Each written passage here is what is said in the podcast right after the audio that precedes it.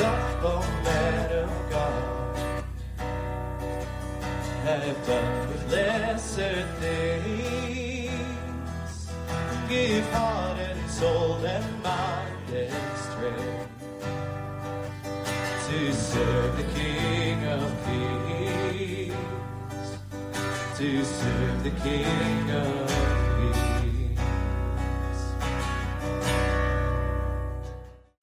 Laat ik beginnen met excuses. Ik ben de enige van de drie sprekers die hier staat zonder Apple-producten. Die niet van mij zijn. Die van mij zijn, want dit is een eh, hele mooie Microsoft Service. Dus, eh, dat mag. Er is, er is genade. Er is genade. Ook voor jullie.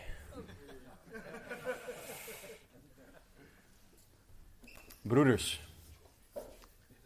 we hebben al twee sessies gehad waarin wij samen gekeken hebben naar een fantastisch onderwerp. En laten we elkaar niet voor de gek houden, ook een heel confronterend onderwerp. Het is niet makkelijk om geconfronteerd te worden met de toereikendheid van Gods woord. Omdat het laat zien waar we echt in geloven. Omdat het laat zien waar onze relaties en waar ons godsbeeld op gebouwd is. Laten we elkaar niet voor de gek houden. Dit is soms niet leuk. Want het is niet leuk om gecorrigeerd te worden. Tenzij een van jullie zo iemand is die dat wel leuk vindt, maar de meeste van ons denk ik niet. Achteraf zijn we er dankbaar voor, maar ik kan me voorstellen dat het. Ik vond het tot nu toe ook, gewoon heel eerlijk, ik vond het niet altijd makkelijk. In hoeverre geloof ik in elke, in elke situatie in de toereikendheid van Gods woord? In hoeverre predik ik altijd het pure, echte evangelie? In hoeverre leef ik echt naar de toereikendheid van Gods woord? En in hoeverre heeft de toereikendheid van Gods woord ook impact op mijn leven? Want na het idee dat je de toereikendheid van Gods woord aanneemt en dat je de toereikendheid van Gods woord ziet in redding, is een logische derde stap dat we het hebben over de toereikendheid van Gods woord in heiliging. Het levenslange proces van meer op Jezus Christus gaan lijken. In Romeinen 8 verwoordt Paulus het als volgt. Romeinen 8, vers 28, 29. Wij weten dat voor hen die God liefhebben, alle dingen meewerken ten goede. Voor hen namelijk, die overeenkomstig zijn voornemen geroepen zijn. Want hen die hij van tevoren gekend heeft, heeft hij er ook van tevoren toe bestemd. En hier komt het, om aan het beeld van zijn zoon gelijkvormig te zijn. Opdat hij de eerstgeborene zou zijn onder vele broeders. Christen, God wil in jouw leven voor elkaar krijgen dat jij aan het beeld van zijn zoon gelijkvormig wordt. Dat is het proces dat wij heiliging noemen. Dat is het proces waar Jezus het over heeft, wanneer hij in Johannes 17, 17 zegt, heilig hen door uw waarheid. Uw woord is de waarheid. En in het Grieks staat het er daar als in de. De klemtoon ligt op de waarheid. Het is niet zomaar waarheid, voor zover je over zomaar waarheid kan spreken. Het is de waarheid. Maar het is niet zomaar de waarheid, het is de waarheid waar die Jezus linkt aan heilig hen. En dat is waar we het afsluitend vandaag over gaan hebben. Jezus legt een directe link tussen heiliging en Gods woord. Ze zijn onlosmakelijk met elkaar verbonden. En we moeten dus goed in onze gedachten hebben dat God zelf tegen ons zegt dat heiliging, het proces van gelijkvormig worden aan Gods zoon, verbonden is met zijn woord. En dan staat er niet, heilig hen door een deel van uw waarheid. Of heilig hen door dat deel van de waarheid dat ik leuk vind. Of dat bemoedigend is. Of wat ik graag als het vers van de dag zie in mijn New Version Bible app. Heilig hen door uw waarheid. Uw woord is de waarheid. Dit is niet mijn mening voor de duidelijkheid. Als jullie op zoek zijn naar mijn mening, sorry. Dit is niet mijn idee, dit is niet mijn gedachte. Dit zijn de woorden van God zelf. En dat betekent dat wij daar iets mee moeten. Wij hebben de taak van God gekregen om te reageren op zijn woord. Heilig hen door uw waarheid. Uw woord is de waarheid. Maar ik wil even een stapje terug doen. Zei hij terwijl hij letterlijk terugstapte. Maar daar gaat het niet om. Ik wil even kijken naar het. Wat is het idee van heilig? Wat betekent heilig? Want het is zo'n zo'n christelijk jargonwoord. In het Engels noemen ze dat Christianese. Van dat taalgebruik waarvan we met z'n allen eigenlijk niet zo goed weten wat het betekent. Als je echt doorvraagt. Dus ik hoop daar vandaag verandering in te brengen, zodat we ook gaan zien wat daarin de rol van Gods woord is. In 1 Petrus 1 staat het volgende in vers 13 tot en met 16. Omgord daarom de lendenen van uw verstand. Wees nuchter en hoop volkomen op de genade die u gebracht wordt in de openbaring van Jezus Christus. Word als gehoorzame kinderen niet gelijkvormig aan de begeerten die er vroeger in de tijd van uw onwetendheid waren. Maar zoals Hij die u geroepen heeft heilig is, word zo ook zelf heilig in heel uw levenswandel. Want er staat geschreven, wees heilig, want ik ben heilig. 1 Petrus 1, vers 13 tot en met 16. Petrus citeert hier het Oude Testament. En hij citeert hier niet zomaar een boek, maar hij citeert hier een van mijn lievelingsboeken uit het Oude Testament. Leviticus. Is zo'n boek waarvan heel veel mensen denken, yeah, vies, eng, raar, begrijpt er niks van. En toch is dit het boek dat geciteerd wordt om aan de kerk te vertellen, wees heilig, want ik ben heilig. Deze oproep van God staat. En waarom staat deze oproep? Omdat heiligheid de weg is naar een relatie met God. De toereikendheid van Gods woord in heiliging betekent dat Gods woord genoeg is, toereikend is om ons een continue relatie met God te geven. Zonder Gods woord is dat niet mogelijk. Zonder Gods woord kunnen wij nooit weten wat heilig is, laat staan leven naar de standaard die heilig ons geeft. Voor de Bijbel-nerds onder jullie, waarvan ik er één ben. In het Oude Testament wordt het Hebreeuwse woord kadosh gebruikt. Ik spreek dat waarschijnlijk verkeerd uit. En dat betekent apart gezet. Dit woord wordt gebruikt om primair God zelf te omschrijven en dingen die door God heilig gemaakt worden. Dus dit is niet zomaar een woord. Want dit woord omschrijft een God die volledig apart gezet is van zijn schepping. En heel eenvoudig, en ik ben een eenvoudig mens, kan je zeggen dat er twee soorten substantie in het universum zijn. Ik vind dit soort dingen leuk. Eén, er is alles dat heilig is, oftewel alles dat God is of alles dat door God is aangeraakt. En twee is alles dat niet heilig is. En vanuit onszelf zijn wij dat. Alleen God is heilig en Hij is de enige die dingen en mensen heilig kan maken. Alles dat niet God is, is niet heilig. En nogmaals, door de zondeval, door ons zondige gedrag, want laten we heel eerlijk zijn, wij zijn zondaren. Door dat gedrag, door die zonde, vallen wij onder de categorie niet heilig. U voldoet niet, u mag niet door naar de volgende ronde. Dat is de conclusie als we naar heilig kijken in het Oude Testament. In het Nieuwe Testament, nog een keer Bible nerds onder ons, hagios. Puur, zonder zonde, apart gezet. Zowel in het Oude als in het Nieuwe Testament, kadosh en hagios, verwijst heilig naar apart gezet. Naar iets dat anders is, iets dat puur is en iets dat zonder zonde is. En dat is waardoor heiligheid weer wijst op de noodzaak voor heiliging om een relatie met God te kunnen hebben. Want God is puur, God is zonder zonde, God is apart gezet. En wij niet. Jesaja 59:2 zegt dat zonde scheiding brengt tussen God en mens. Zonde zorgt ervoor dat er een onoverbrugbare kloof is tussen God en mens. want God is heilig en wij niet. Maar toch zegt God, wees heilig, want ik ben heilig. Toch zegt God dat Hij wil dat wij heilig leven. En daarmee maakt Hij heiligheid de standaard en de norm. En die norm was niet alleen voor Israël.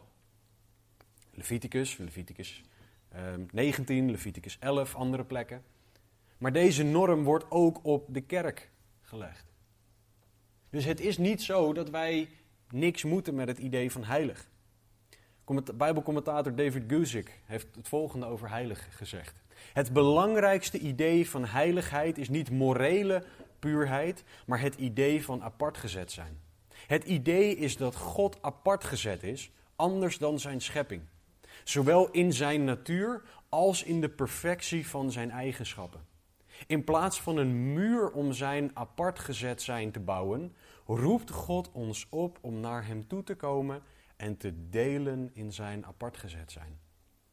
Want hij zegt tegen ons: Wees heilig, want ik ben heilig. Einde citaat. Wij hebben dus een hele bijzondere, bizarre situatie. We mogen God gaan zien in zijn perfectie, in zijn heiligheid, in zijn glorie. Tegelijkertijd mogen wij zien hoe ongelooflijk wij tekortschieten. En in die situatie zegt God tegen de mens: Wees heilig, want ik ben heilig. Kom naar mij toe.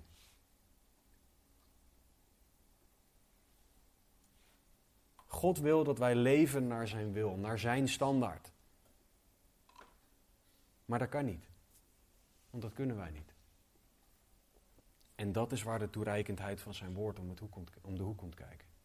Want zonder zijn woord weten wij niet, kunnen wij die brug niet overbruggen. Die kloof niet overbruggen, sorry. Jezus zegt, heilig hen door uw woord. Heilig hen door uw waarheid. Uw woord is waarheid. En als wij Jezus' woorden zo serieus nemen als dat wij zeggen, dan moeten wij dus luisteren en uitvogelen wat hij hiermee bedoelt. En als Jezus zegt dat zijn woord nodig is voor heiliging, voor die relatie met God, dan moeten wij daar gehoor aan geven.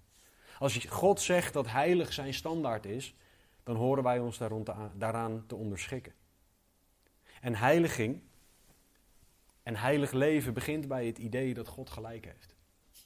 En dat klinkt misschien heel raar, maar heiliging begint bij het idee dat God gelijk heeft en jij in eerste instantie niet. Ik ook niet. Heiliging en heilig leven begint bij het erkennen dat God perfect en heilig is en wij niet. Waarom begint het daar nou? Als je dat niet erkent, dan heb je ook geen probleem dat opgelost moet worden. Als je dat niet. Oh, sorry. Ik mocht het flesje niet hierboven zetten. Sorry. Gaan we anders reclame maken voor dat merk of zo? Is dat. Uh... Heiliging, dan ben ik helemaal uit mijn ritme, man. Begint bij het erkennen dat God perfect is. En dat flesje niet. Heiliging begint bij het erkennen dat wij God nodig hebben, omdat Hij heilig is en wij niet. Heiliging begint bij het idee dat wij uit onszelf alleen maar kunnen zeggen: U bent heilig, ik niet. Heer, ik heb een probleem. En ik kan het niet oplossen. Want Romeinen 3:23 leert dat allen gezondigd hebben. We hebben een prachtige uiteenzetting van het evangelie gehoord van Jew. En voor degenen van jullie die er nog niet van overtuigd zijn, 1 Johannes 1:8 zegt dat wij onszelf niet moeten misleiden door te zeggen dat we geen zonde hebben. Oftewel, we moeten eerlijk zijn met onszelf en eerlijk met elkaar. Wij zijn zondaren die het evangelie nodig hebben. En ondanks dat wij zondaren zijn, zegt God: Wees heilig, want ik ben heilig. Oftewel, ik wil een relatie met jou. In zijn perfectie, in zijn heiligheid, wil God een relatie met de mens. In zijn heiligheid en zijn perfectie wil God dat jij bij hem komt. En mag jij bij hem komen. In alles. Met alles. Heiligheid is en blijft de standaard van, de standaard van perfectie. De standaard van zonder zonde. de standaard van God. En uit onszelf voldoen wij niet. En uit onszelf kunnen wij dus niks anders dan terugvallen op Gods woord. Want Heer, u roept ons op om heilig te zijn. Dan zou het heel vreed zijn als God zegt: Dat klopt, en ik ga je niet helpen. Maar zo is onze God niet. God heeft ons zijn woord gegeven, zodat wij kunnen weten hoe wij heilig kunnen zijn en heilig kunnen leven. Johannes 1, vers 1 tot en met 4. In het begin was het woord en het woord was bij God. Het woord was God. Dit was in het begin bij God en alle dingen zijn door het woord gemaakt. En zonder dit woord is geen ding gemaakt dat gemaakt is. In het woord was het leven en het leven was het licht van de mensen. Johannes 1, vers 14. Het woord is vlees geworden en heeft onder ons gewoond. En wij hebben zijn heerlijkheid gezien, een heerlijkheid als van de enige geborene van de Vader. Vol van genade en waarheid. Dit is fundamenteel. Want dit zegt dat Gods woord God zelf is. Dit zegt dat Gods woord, wat wij nodig hebben, God zelf is. En daarmee dat zijn woord dingen kan doen die wij zelf niet kunnen. Dat zijn woord dingen kan bereiken in ons en dingen voor ons kan doen die wij zelf niet kunnen. Want het woord is Jezus. Dat maakt Hebreeën 13:12 ook zo groot. Hebreeën 13:12 in de context van heiliging, in de context van de toereikendheid van Gods woord. Daarom heeft ook Jezus, om door zijn eigen bloed het volk te heiligen, buiten de poort geleden. Jezus, die het woord is, heiligt zijn volk. Jezus, die het woord is, heiligt degenen die in hem geloven. Jezus, die het woord is, heiligt jou en mij door zijn bloed en door zijn dood aan het kruis. En dat betekent dat iedereen die gelooft in het ware evangelie een positie van God gekregen heeft van heilig. En daardoor kunnen wij een relatie met God hebben. Doordat Jezus zo ver gegaan is, kunnen wij nu bij God komen. Dat heeft niks te maken met hoe goed jij nu of wel, wel of niet probeert om je aan de wetten te houden. Hoe goed jij wel of niet probeert om te leven voor God. Dit heeft puur te maken met het feit dat Jezus een perfect werk gedaan heeft. Dat Jezus perfect voor jouw zonde en voor mijn zonde gestorven en opgestaan is. Daardoor hebben wij een positie van heiliging gekregen. En de enige reden dat we dat weten, is omdat wij slimme mensen dat bedacht hebben. Nee, omdat het in het woord staat. Omdat Gods woord, die, dat waarheid is, dat ons vertelt.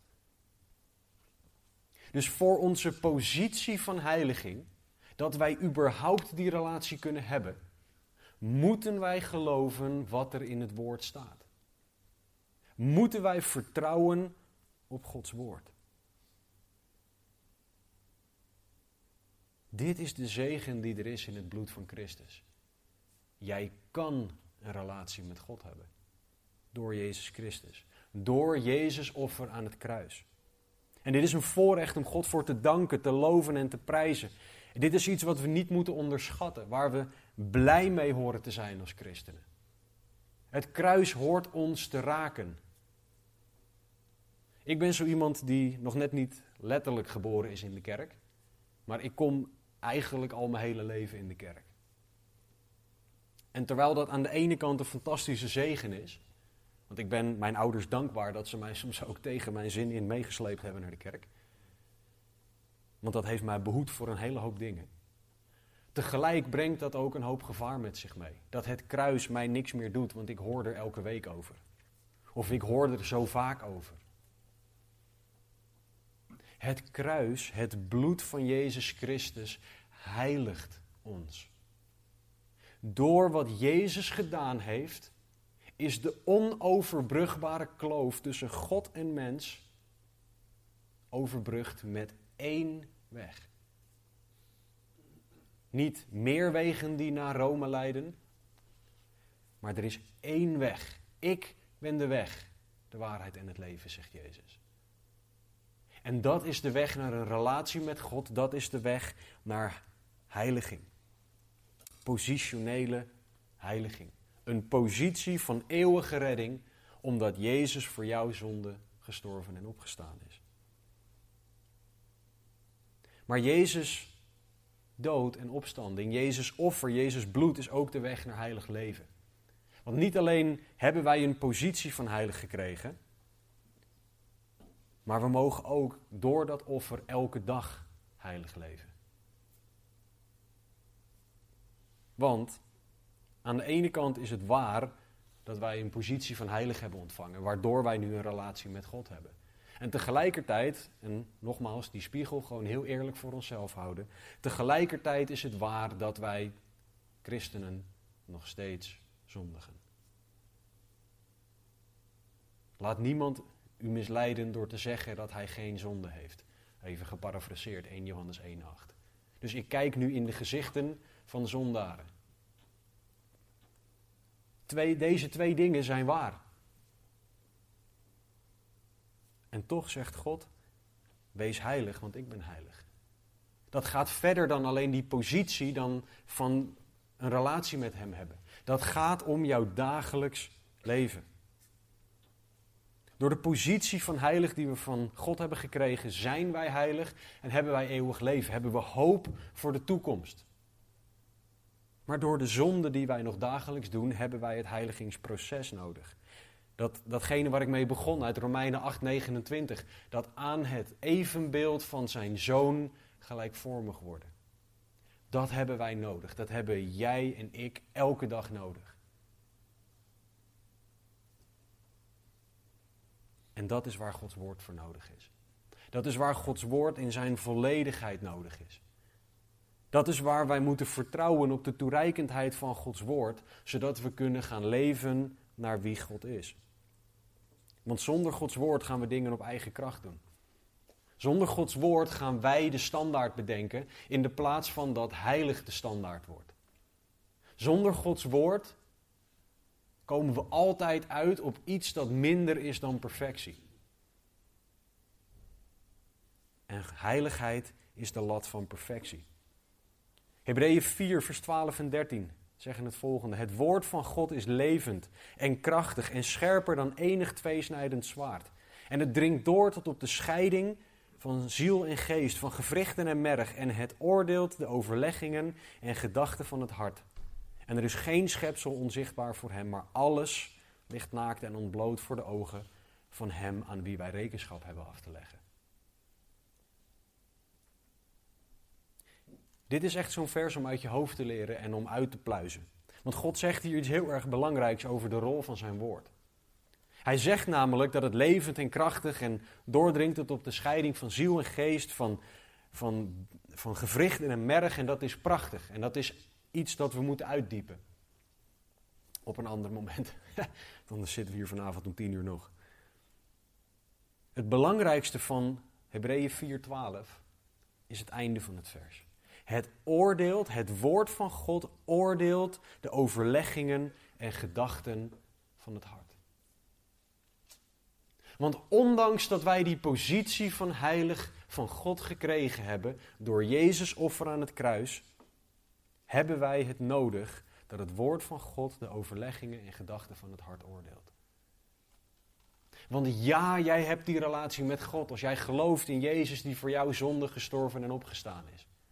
Ja, jij hebt die relatie met God. Jij hebt die mogelijkheid. Maar.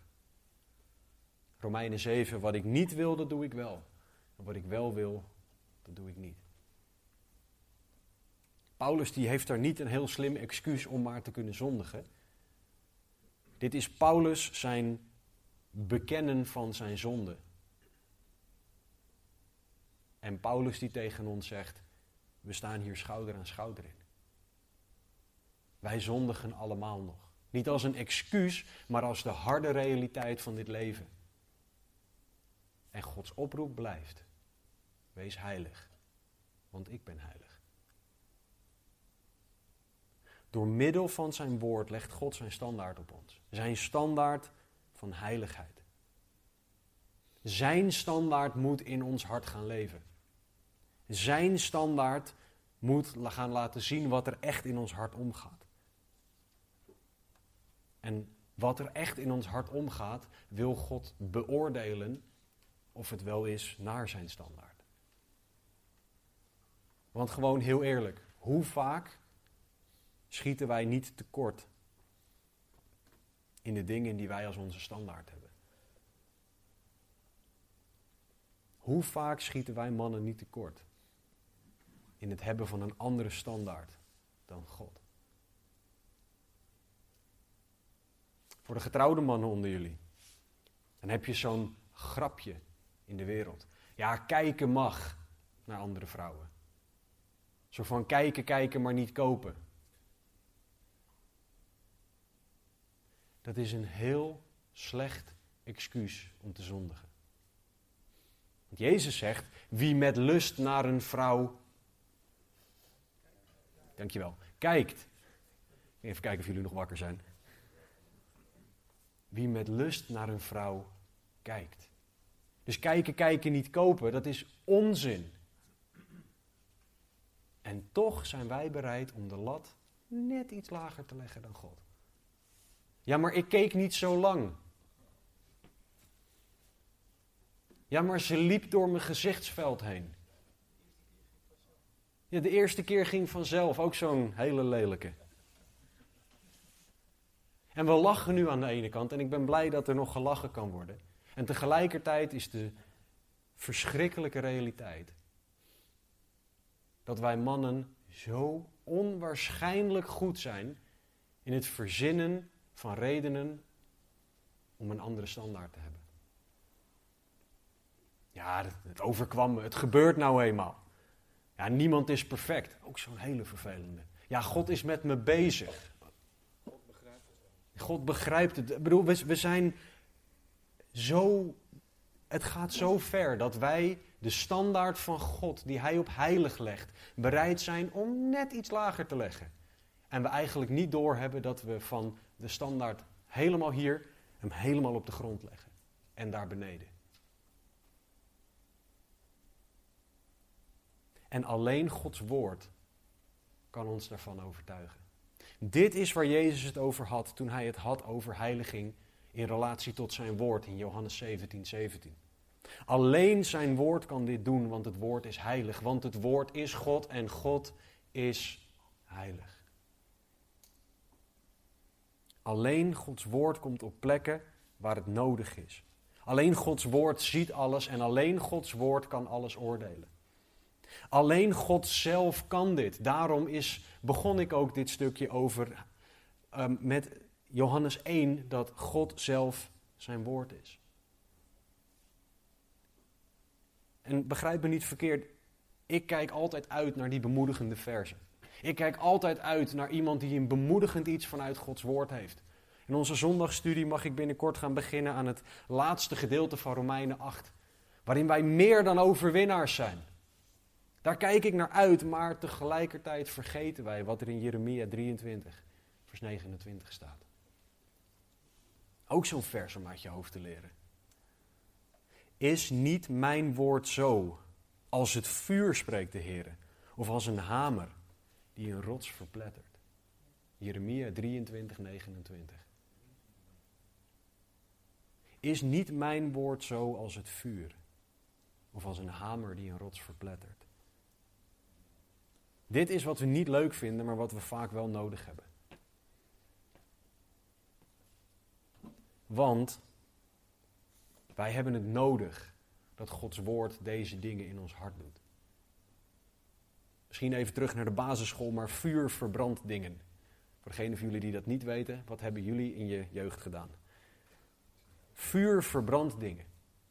Vuur smelt dingen weg die niet juist zijn. Hoe maak je goud puur? Door het te verhitten met vuur. Onbedoelde rijm. Wordt al bijna een rapper.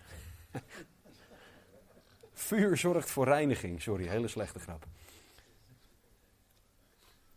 Als een bos afbrandt, als een bos in de fik staat, dan doet dat pijn. Dan is dat niet leuk. dan is dat naar en vervelend. En tegelijkertijd creëert het ruimte voor nieuwe groei. Als vuur iets zuivert, haalt het de verkeerde dingen weg en houdt het de goede dingen over. Dat is wat Gods woord doet. Dat is wat Gods woord als een vuur in jou en mijn hart wil doen. En, en eerlijk, ja, dit doet pijn. Want vuur doet pijn. Wie met vuur speelt, moet op de bladen zitten. Dat komt ergens vandaan. Iemand die een keer met vuur gespeeld heeft. Maar dat vuur zorgt er ook voor dat er iets nieuws kan groeien. Dat er weggehaald is wat niet goed is en dat er kan zijn wat wel goed is. Een hamer kan dingen kapot maken. Dat is vaak een van de leukste onderdelen van klussen. Als je met een hamer dingen kapot mag maken. Het maakt ook ruimte voor nieuwe dingen. Soms moet een rotsblok opgeruimd worden. Of als een hamer die een rots verplettert. Een hamer kan ook gebruikt worden om dingen op te bouwen.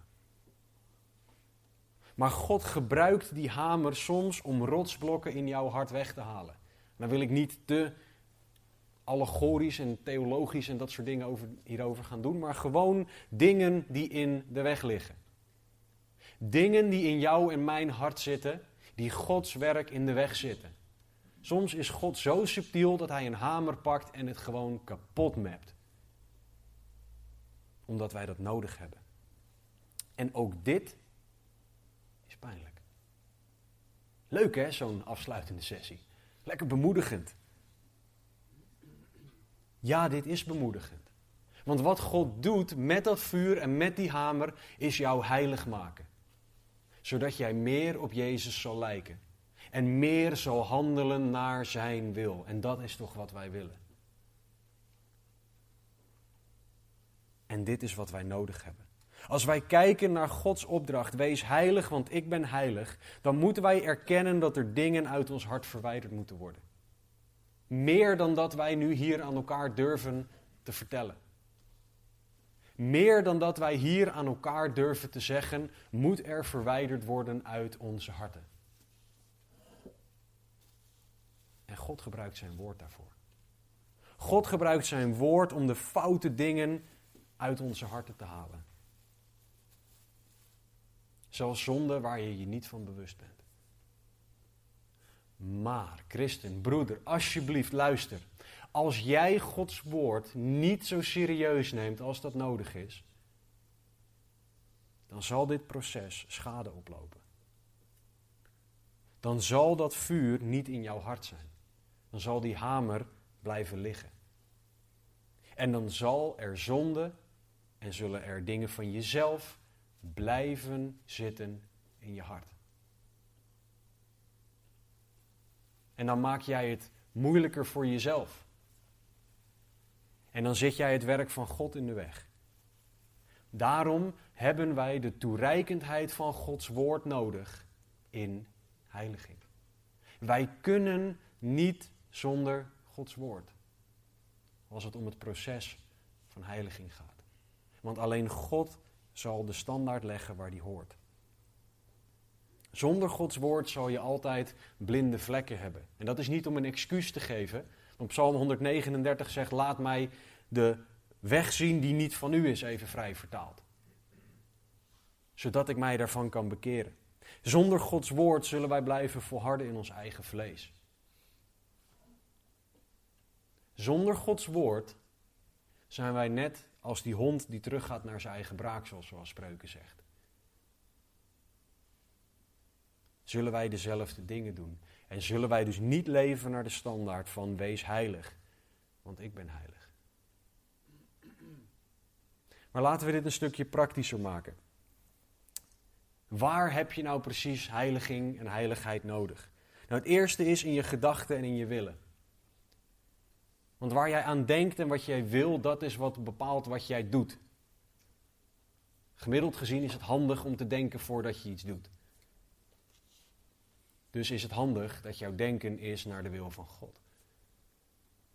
Galaten 5:17. Het vlees begeert tegen de geest in en de geest tegen het vlees in. En die staan tegenover elkaar. zodat u niet doet wat u zou willen. Dit is de realiteit. Galaten 5:17. Het is zo nodig dat het vlees geconfronteerd wordt met Gods woord, zodat wij dat vlees kunnen kruisigen, zodat wij dat vlees ter dood kunnen brengen. Want ons vlees wil ons beïnvloeden. Wil zeggen, ah, die ene blik, dat is niet erg. Die ene keer kijken is niet erg. Die pen meenemen van mijn werkgever is niet erg. Die ene keer door rood rijden is niet erg. En als er 50 staat op de, op de weg en ik vind dat ik 60 mag rijden, dan mag ik 60 rijden, want ik vind dat. En ga zo maar door. Nee, het vlees wil ons beïnvloeden, wil onze gedachten en onze wil beïnvloeden. En het doel daarvan is dat we niet meer de dingen van God gaan doen, maar de dingen van het vlees. En om één voorbeeld hiervan te noemen, die ik de laatste tijd aan het leren ben, maar die ik ook in, en dit klinkt misschien heel vervelend wat ik nu ga zeggen, maar die ik in bijna elke man om mij heen zie, dus luister goed alsjeblieft, is egoïsme. En meer egoïsme dan dat we durven toe te geven. Egoïsme staat lijnrecht tegenover Gods woord. Want in egoïsme draait alles om mij. Wat ik wil. Wanneer ik het wil. Hoe ik het wil. Wat ik denk, wat ik voel, op mijn tijd, op mijn manier, zonder uitzondering. Maar bij God draait alles om Hem. Bij God draait alles om onszelf verlogen en voor Hem leven. En je kan actief egoïsme hebben. Dat is het meest duidelijke. Je legt actief je eigen standaarden op anderen en je verwacht dat zij altijd doen wat jij wil. Op jouw tijd, op jouw manier, want jij zegt het. En misschien dat je zelfs een hele bijbelse, bijbelse onderbouwing ervoor weet te vinden. Ja, mijn vrouw moet mij toch onderdanig zijn. Mijn kinderen moeten mij toch gehoorzaam zijn. Als voorganger. Ja, de, de schapen moeten toch naar mij luisteren. Nee, om wie gaat het? Doe jij dingen voor Gods eer of draait het erom wat jij wil? Wat ik wil? Op mijn tijd, op mijn manier. Jouw wil in plaats van Gods wil. Als je er echt met de standaard van Gods woord naar kijkt. Actief egoïsme betekent ook dat er passief egoïsme is. En oh man, wat zijn wij mannen daar goed in. Weet je wat, weet je, wat je dan doet? Niks. Niks. Het idee van never change a winning team. Ik hoef niks te veranderen, want het gaat toch goed. Ik kan lekker met mijn pootjes omhoog zitten. En mijn vrouw die gaat wel rennen, of mijn kinderen die halen me drinken wel, of mijn werkgever die betaalt me toch, of wat dan ook. Jij doet niks of weinig en je laat anderen doen wat jij eigenlijk zou moeten doen. Passief egoïsme. Luiheid noemt de Bijbel dat. Dat is niet hoe God wil dat wij leven, broeders. Dat is niet wat er in onze gedachten en in ons willen hoort te zijn. Ons willen hoort niet te zijn wat ik wil. Ons willen hoort te zijn Galaten 2 vers 20. Ik ben met Christus gekruisigd en niet meer ik leef, maar Christus leeft in mij. En voor zover ik nu in het vlees leef, leef ik door het geloof in de Zoon van God, die mij heeft liefgehad en zichzelf voor mij heeft overgegeven. Broeder, voor wie leef jij? Leef jij voor God of voor je eigen wil? Handel jij op basis van je eigen wil en je eigen gedachten? Of handel jij naar de gedachten van Christus? Zoals we al gehoord hebben in 1 Korinthe 2:16, wij hebben de gedachten van Christus. Dus zeg niet dat je het niet weet. Het is alleen maar een extra bewijs dat je het nog niet onderzocht hebt. Dus dat je in de plaats van passief actief moet worden om de wil van God te gaan ontdekken. En om dit punt nog even extra duidelijk te maken. Ben jij bereid om echt alles op te geven voor God? Of maar tot op zekere hoogte? En dat is waar ik de afgelopen tijd achter aan het komen ben. Ik heb het voorrecht om mijn vrouw voor een aantal dagen naar Israël te hebben kunnen gestuurd. om haar familie te bezoeken. Wat betekent dat ik het voorrecht heb, sinds afgelopen maandag tot en met aanstaande donderdag, om voor mijn twee prachtige dochters te zorgen. Alsof dat voor mijn egoïsme nog niet erg genoeg was, vond God het ook een goed idee om mijn beide dochters s'nachts te laten hoesten, waardoor ik niet genoeg slaap krijg. Om mijn jongste dochter de waterpokken te geven, waardoor zij haar eigen wil ook erg duidelijk naar voren aan het laten komen is. En om er dan ook nog eens voor te zorgen dat het gewoon een lekker hectische, drukke week is, terwijl ik hou van dingen op de juiste tijd, op de juiste manier, met een fantastische volgorde en een mooie strik eromheen. Dit is een fantastische situatie om echt voor mezelf te leven en mijn kinderen te behandelen zoals God dat niet wil.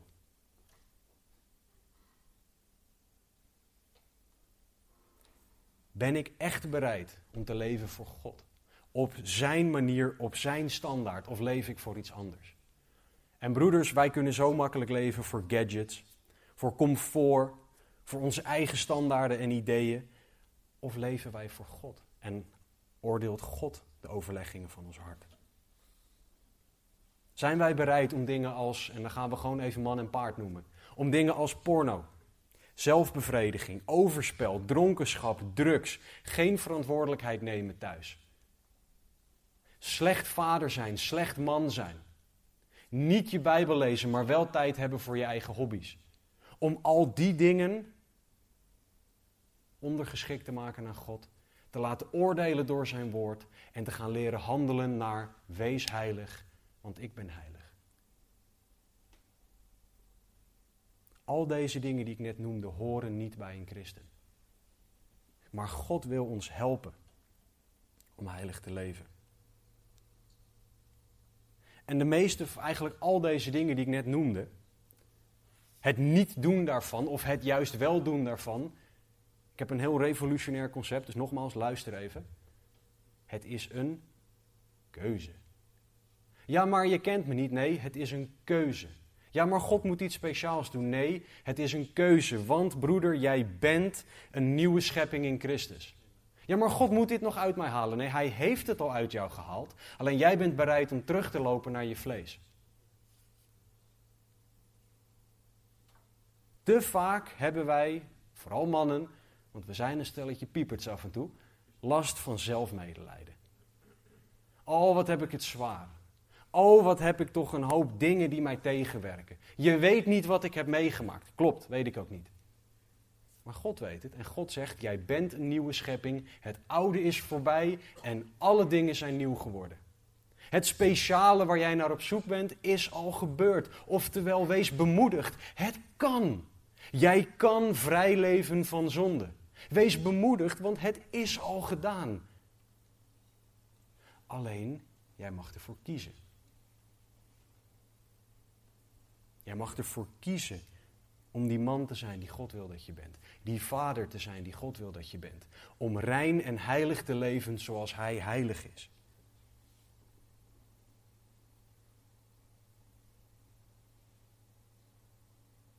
Wij moeten oppassen dat wij niet vervallen in dingen die niet van God zijn. Wij moeten oppassen dat wij niet vervallen in egoïsme, broeders. Want dan leggen wij onze menselijke standaarden op anderen in de plaats van dat wij Gods standaard op onszelf leggen. En voordat wij dingen aan anderen gaan vragen om op onze manier te doen, moeten wij eerst vragen of wij zelf God wel volgen in dit onderwerp. En voor de duidelijkheid, en ik ben hier heel blij mee, het is niet erg om gewoontes te hebben. Ik weet bijvoorbeeld zeker, s ochtends, autist dat ik ben, kan ik je bijna tot op de minuut vertellen wat ik wanneer doe. Zo zit ik in elkaar. Maar ik kan niet verwachten dat iemand anders dat doet. En als ik dat doe om God onder de indruk, of om, om indruk te maken op God of indruk te maken op mensen, dan draait het om mij in de plaats van om God. Paulus zei niet voor niets in 1 Korinthe 11:1: Wees navolgers van mij, zoals ik navolger van Christus ben. Dus laten we er even vanuit gaan dat Paulus een mens was. Wat hij ook was voor de duidelijkheid. Dan deed Paulus ook dingen die niet juist waren, want Paulus was een mens. En in die dingen zegt Paulus dus, volg mij daar niet in na. Wees navolger van mij zoals ik navolger van Christus ben. Oftewel, wij mogen leren van goddelijke mannen en vrouwen. Wij horen zelfs te leren van goddelijke mannen en vrouwen. Maar wij horen alles wat zij doen te toetsen aan het woord. Aan Gods standaard van heiligheid. Zodat wij niet vervallen in egoïsme. Zodat wij niet vervallen in gedachten en willen van mensen in de plaats van gedachten en willen van God. Want jij bent al een nieuwe schepping, dus jij kan denken en willen naar Gods wil. In de plaats van naar je eigen wil. Als dan die heiligheid komt in jouw gedachten en in jouw willen, dan zal het ook gaan komen daarmee in je dagelijks leven. Galaten 5:16 Wandel door de geest en u zult zeker de begeerte van het vlees niet volbrengen. Dat is nodig om heilig te leven. Het woord moet dagelijks in jouw hart en in jouw gedachten komen om geleid door Gods wil te leven in de plaats van geleid door je eigen wil. En heilig leven begint met Bijbellezen. Begint met het lezen van de woorden van de geest, zodat jij kan wandelen door de geest. We hebben al gehoord dat in 2 Petrus 1 staat dat de geest de inspirator van het woord is. En door zijn woord wil hij jou heilig maken. Heilig hen door uw woord. Uw woord is waarheid. En je hebt overal de leiding van de geest nodig om heilig te leven. Want je vlees wil ervoor zorgen dat jij dagelijks voor God leeft. Dus broeder, laat je alsjeblieft leiden door de geest in plaats van je eigen wil. Want als jij je laat leiden door de geest, dan zal dat een standaard van heiligheid zijn. Als jij je laat leiden door je eigen wil, is dat alles behalve heilig. Bijbelcommentator Barnes heeft het volgende gezegd over heilig. Het is een geweldige waarheid dat mensen altijd de God zullen imiteren die ze aanbidden. Ze zullen hun karakter vormen naar het karakter van hun God. Ze zullen wat hun God doet zien als juist. En ze zullen ook niet proberen om beter te worden dan de God die ze aanhangen. En ze zullen vrijelijk doen wat hij zou moeten doen of goedkeuren. Daarom, door te weten wat de eigenschappen zijn van de goden die mensen aanbidden, kunnen we een correct beeld vormen van het karakter van de mensen. Daarom, aangezien de God die het object is van de aanbidding van de christen, aangezien hij heilig is, moet het karakter van degenen die hem aanbidden ook heilig zijn. Einde citaat. Oftewel, God is heilig, doe zoals hij. En alles wat jij dus doet in je dagelijks leven, dat niet, niet matcht met wie God is, dan blijkt daaruit dat jij op dat moment een andere God aanbidt. En dat is een, nog zo'n confronterend iets, maar het is tegelijkertijd iets waarvoor we dankbaar mogen zijn, want God wijst ons erop, zodat wij heilig kunnen leven. Gods oproep is: wees heilig, want ik ben heilig. In de standaard dingen van het leven, in hoe jij over straat gaat, hoe je in de supermarkt bent, hoe jij in het verkeer bent, hoe jij naar je kinderen handelt, hoe jij naar je vrouw handelt, is allemaal, of laat allemaal zien wat jouw standaard is. Of jouw standaard heilig is, of dat jouw standaard niet heilig is. En de enige manier waarop wij heilig kunnen leven is als Gods woord regeert. 2 Timotheus 3, 16, 17. Heel de schrift is door God ingegeven en is nuttig om daarmee te onderwijzen, te weerleggen, te verbeteren en op te voeden in de rechtvaardigheid, opdat de mens die God toebehoort volmaakt zou zijn. Tot elk goed werk voorkomen toegerust. Alleen door Gods woord gaan we zien wat zijn standaard is. En kunnen we elke dag om de genade vragen om in elke situatie heilig te leven. Zonder Gods woord zal jij leven naar je eigen standaard. Misschien de standaard van een ouder, de standaard van een andere voorganger, de standaard van iemand die je zeer respecteert, zelfs de standaard van een goddelijk iemand. Maar tenzij die standaard één op één matcht met wat er in het woord staat, is die standaard te laag. En wij hebben de standaard van Gods woord nodig.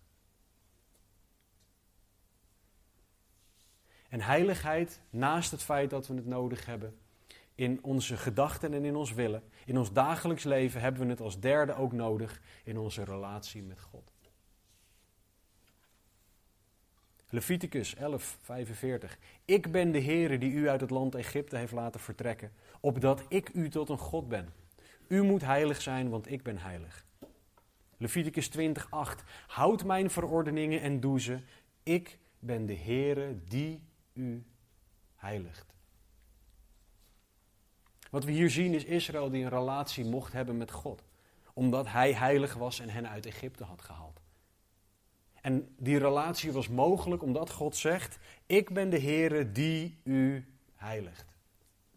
Dus niet jullie doen het goed genoeg en daarom heilig ik jullie. En daarom zijn jullie al heilig en komt het allemaal wel goed. Nee, ik ben de Heere die u heiligt. En dit is bemoedigend, omdat wij net zoveel fouten maken als Israël. En God tegen ons zegt: Ik ben de Heere die u heiligt. God redde ons uit ons Egypte. Egypte is ook een beeld in de Bijbel van de wereld, van de zonde, van de slavernij, van de zonde. En God redt ons daarvan. Zodat wij heilig kunnen zijn, die relatie met Hem kunnen hebben. U moet heilig zijn, want ik ben heilig. En waar ik zo blij van word, is dat God stappen voor ons zette die wij zelf niet kunnen zetten. Zoals gezegd, een onoverbrugbare kloof. En God legde er een brug overheen. Namelijk het kruis van Jezus Christus. In het woord zien we dat waar wij zondigen, God perfect is. Waar wij ontrouw zijn, is Hij trouw. In Gods woord zien we Gods rechtvaardige en heilige genade, Gods perfecte liefde, die er is voor elk mens. En in die rechtvaardigheid, voor de duidelijkheid, verdienen wij deze relatie met God niet. Hebben wij niet eens de mogelijkheid om een heilige relatie met God te hebben. Maar Jezus bereidde de weg. En dat hoort impact te hebben op hoe wij God benaderen. Ik heb een keer iemand, toen ik nog een heel stuk jonger was, horen zeggen dat hij God met je aansprak en met vriend. Omdat, God, omdat Jezus zelf ook zegt dat, hè, dat hij onze vriend is. Daar zit wat in totdat je de rest van Jezus' woorden leest. Die God altijd met u aanspreekt en altijd heilig ontzag had voor God. Jezus benaderde God altijd als een heilig God vol ontzag, waar we tegelijkertijd vrijmoedig naartoe mogen. Door het heiligende werk van Jezus. Broeders, wees bemoedigd, want Gods liefde en zijn genade zijn zo groot dat Hij jou naar zichzelf wil toetrekken. En dat Hij het werk doet dat nodig is. Door Jezus Christus. Wij hoeven ons alleen maar over te geven aan Jezus. Wij hoeven alleen maar onszelf te geven aan Hem. Als wij gaan zien hoezeer wij tekortschieten ten opzichte van Zijn standaard, zullen wij niet anders kunnen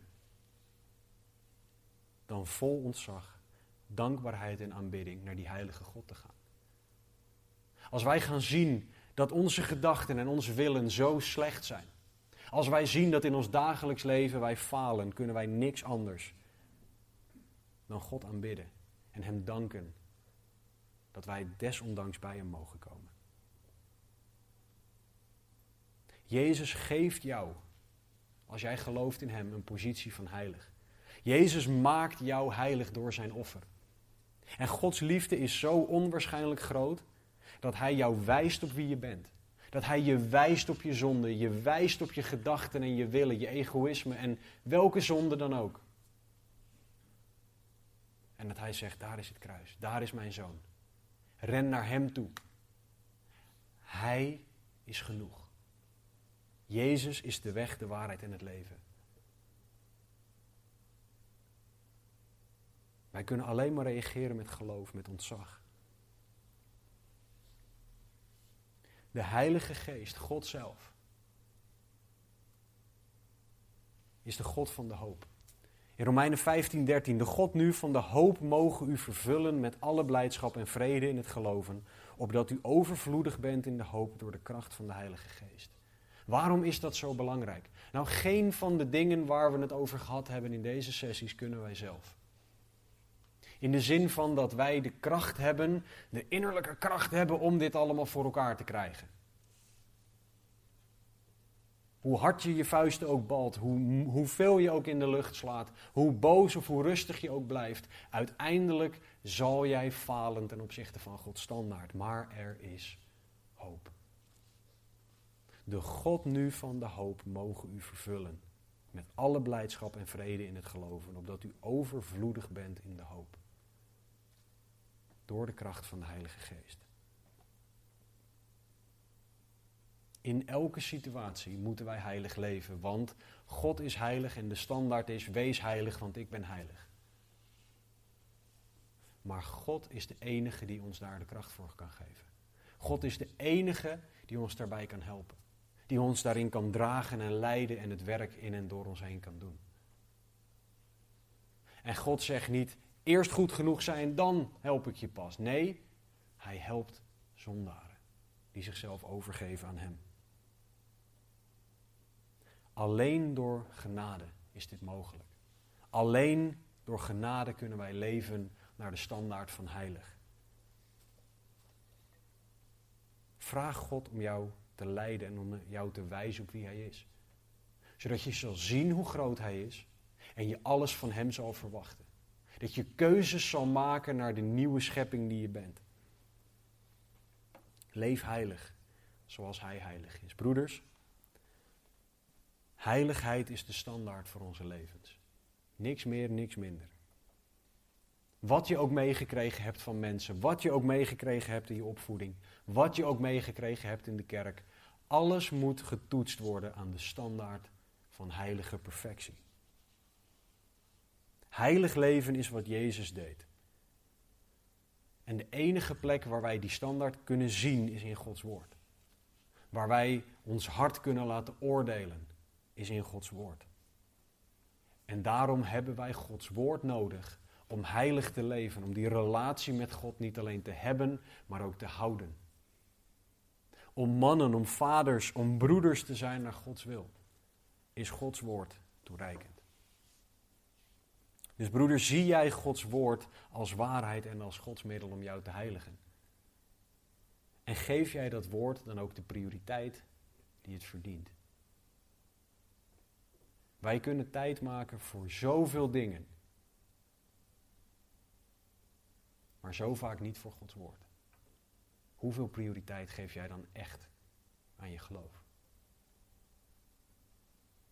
Broeder, laat jij jouw overleggingen en gedachten van je hart beoordelen door Gods woord? Of leg jij een andere standaard op jouw eigen hart? De standaard die je van iemand meegekregen hebt, of die je in iemand anders ziet. Is het Gods heilige standaard van perfectie of is het iets minders? Broeder, is er heiligheid in jouw gedachten en in jouw willen? Is er heiligheid in jouw dagelijks leven, in jouw omgang met God zelf? En vraag God alsjeblieft om jou te laten leven naar de heiligheid die je in Christus gekregen hebt. Naar de nieuwe schepping die je bent. Naar de glorie van God die we mogen zien.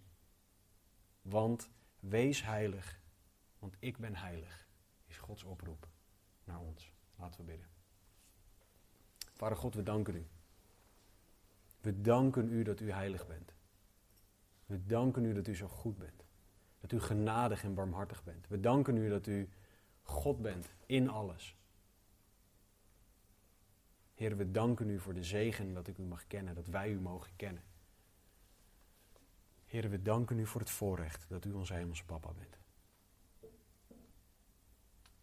Maar heren, laat ons allemaal zien waar wij de lat niet op heilig leggen. Waar wij de lat lager leggen. Waar wij egoïstisch zijn. Waar wij dingen doen die niet naar uw wil van heilige perfectie zijn. Waar wij dingen willen die niet naar uw heilige wil van perfectie zijn. Heer, vergeef ons. Breng bekering in onze harten zodat wij u en u alleen zullen eren. u en u alleen zullen loven en alleen door en voor uw kracht zullen leven. Heere, doe wat alleen u kan. Heere, we loven en we prijzen uw naam, want u alleen bent God. Dank u wel. Ik roep u er dan toe op, broeders, door de ontfermingen van God, om uw lichamen aan God te wijden als een levend offer, heilig en voor God welbehagelijk. Dat is uw redelijke godsdienst. De biddingsteam zal ons nog leiden. Als je wil dat er met je gebeden wordt voor iets, pak de broer die naast je zit. Hoeft niet eens te weten waarvoor, maar bid. Dit is het moment om schouder aan schouder te staan. Dit is het moment om je masker, voor zover je die nog op had, helemaal weg te gooien. En pijnlijk open te zijn met je broer. We hebben elkaar nodig. Wees heilig, want God is heilig.